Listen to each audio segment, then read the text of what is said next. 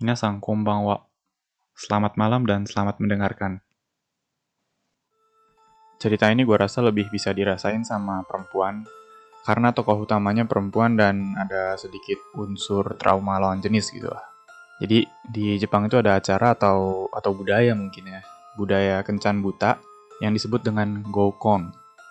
Gokong tuh gampangnya gini, ada laki-laki punya kenalan perempuan, terus si laki-lakinya itu mau cari pasangan, atau emang sekedar mau ketemu perempuan. Nah, dia ajak si kenalan perempuannya itu buat ngadain acara gokong. Jadi teknisnya itu, misalkan si perempuannya itu punya dua orang temen. Nanti dia ngajak dua temennya itu buat ikut acara kencan butanya itu. Nanti dari laki-lakinya juga bakal ngajak dua orang temen atau kenalannya yang laki-laki buat datang ke acara kencan buta itu. Jadi jatuhnya kayak kencan masal gitu ya. Ini ada seorang anak perempuan anak kuliahan, yang diajakin sama temen kampusnya buat ikut ke acara gokongnya itu. Si perempuan ini nggak tertarik sama acara begituan. Dia punya image kalau laki-laki yang ikut acara gokong itu pasti bukan laki-laki yang bener. Laki-laki apa ya? Laki-laki playboy, fuckboy gitu kali ya. Jadi bagi dia laki-laki yang bener itu nggak mungkin cari pacar atau pasangannya lewat acara gokong. Jelas nolak lah dia.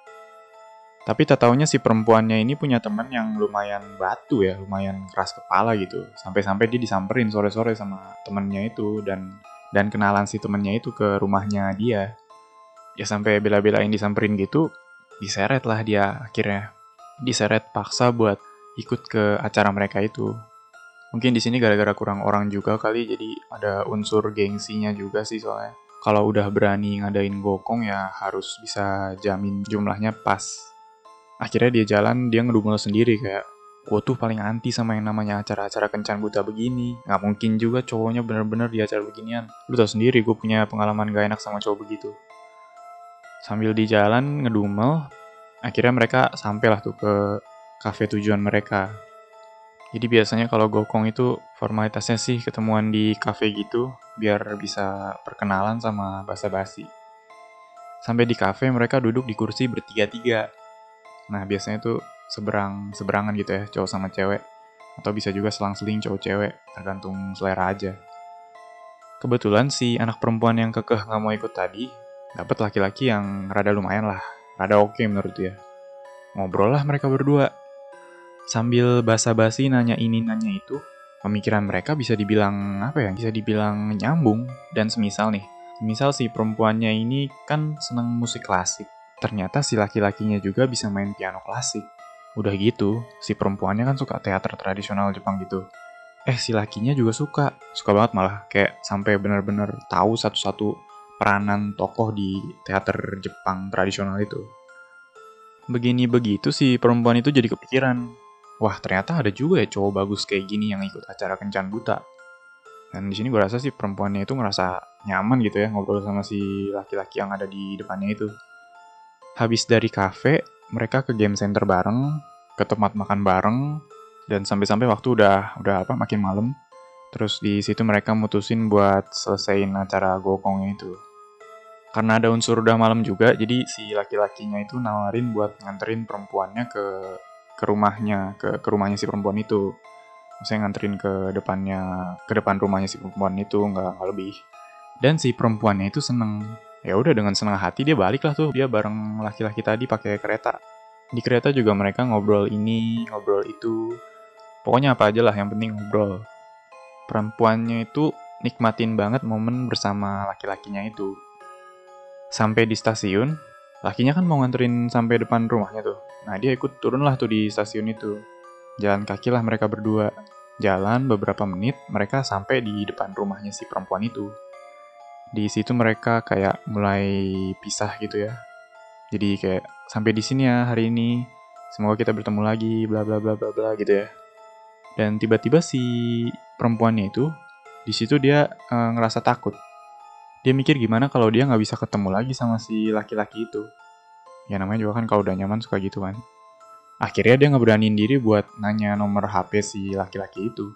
Terus kata laki-lakinya, oh iya iya boleh boleh Terus kan kalau mau tukeran apa itu nomor handphone kan kayak ngeluarin HP kan kita terus bacain nomornya sambil sambil kita ngetik nomornya. Nanti nomornya muncul di layar HP gitu kan. mulailah ngetik nomornya si laki itu. Kayak kalau di Indonesia tuh jadi jadi kayak 08129876 bla bla bla bla bla. Nah, anehnya itu tiba-tiba tiba-tiba muncul nomor ekor di belakangnya. Kayak kalau ngetik nomor yang udah kita yang udah pernah kita save, kan biasanya baru ngetik nomor depannya aja udah muncul kan tuh apa angka di belakangnya. Nah iya sama kayak gitu. Waktu itu sih tanpa pikir panjang si perempuannya itu langsung pencet nomor itu dan pencet tombol call. Setelah muncul nada dering, di situ dia lihat di layar HP-nya ada tulisan yang gak dia sangka-sangka, sekaligus bikin dia mual. Dia baca, tulisan nomor yang dia call sekarang itu namanya matikan. Di awal cerita tadi sempat dibilang kalau dia punya pengalaman gak enak sama cowok. Itu sebenarnya alasannya karena selama hampir setahun dia diteror sama cowok yang ngakunya kekasih takdirnya dia. Semuanya itu awalnya pas dia part-time di sebuah resto. Suatu hari dia lagi bersih-bersih piring makanan bekas pelanggan. Di situ dia nemu sepucuk surat. Dibuka isi suratnya. Itu ungkapan rasa sayang yang suratnya itu ditujukan buat si perempuan itu. Dapat surat kayak gitu dia dia ngerasa nggak nyaman karena dia juga nggak tahu kan siapa orangnya. Beberapa hari kemudian dia diteror telepon dari nomor nggak dikenal. Teleponnya tuh selalu di jam setelah dia selesai part time itu dia nggak pernah angkat dan dan pernah dia sekali ngangkat terus isi teleponnya itu kayak gimana kamu udah selesai kamu capek nggak kamu kamu nggak demam kan kamu langsung istirahat ya. Aku nggak mau kamu kenapa-napa. Langsung dia putus itu telepon. Jelas lah creepy anjir. Besokan harinya juga datang dari nomor itu. Kali ini bukan telepon tapi berupa apa ya berupa pesan bergambar. Nah dia lihat di situ pesannya apa. Di situ ada foto dia lagi nonton teater tradisional Jepang. Buset, dia di, dia ngikutin tuh cewek seharian. Ngerasa udah gak nyaman, saking parnonya dia ganti HP, ganti nomor, tapi dia save nomor yang gak dikenal yang yang selama ini ganggu dia itu. Dia tulis nama matikan. Dengan niatannya itu kalau datang lagi telepon dari nomor yang sama, dia bisa cepet-cepet matiin atau atau blok atau apalah. Jadi hari itu trauma masa lalunya muncul persis di depan matanya sekarang. Muncul dalam wujud fisik orangnya itu sendiri. Dan di sini ada beberapa hal buruk buat dia. Yang pertama, nomor HP-nya yang baru ketahuan. Yang kedua, rumah tempat dia tinggal, lokasinya ketahuan. Dan yang ketiga, yang paling menakutkan buat dianya, dia terlanjur jatuh cinta sama si cowok penguntit itu. Pesan dari cerita ini cukup jelas ya, itu apakah benar seseorang yang baru kita temui dan kita ngerasa cocok sama dia, itu bener-bener orang yang baru kita temuin. Atau bisa jadi dia udah bertahun-tahun ngamatin gerak-gerik kita selama ini.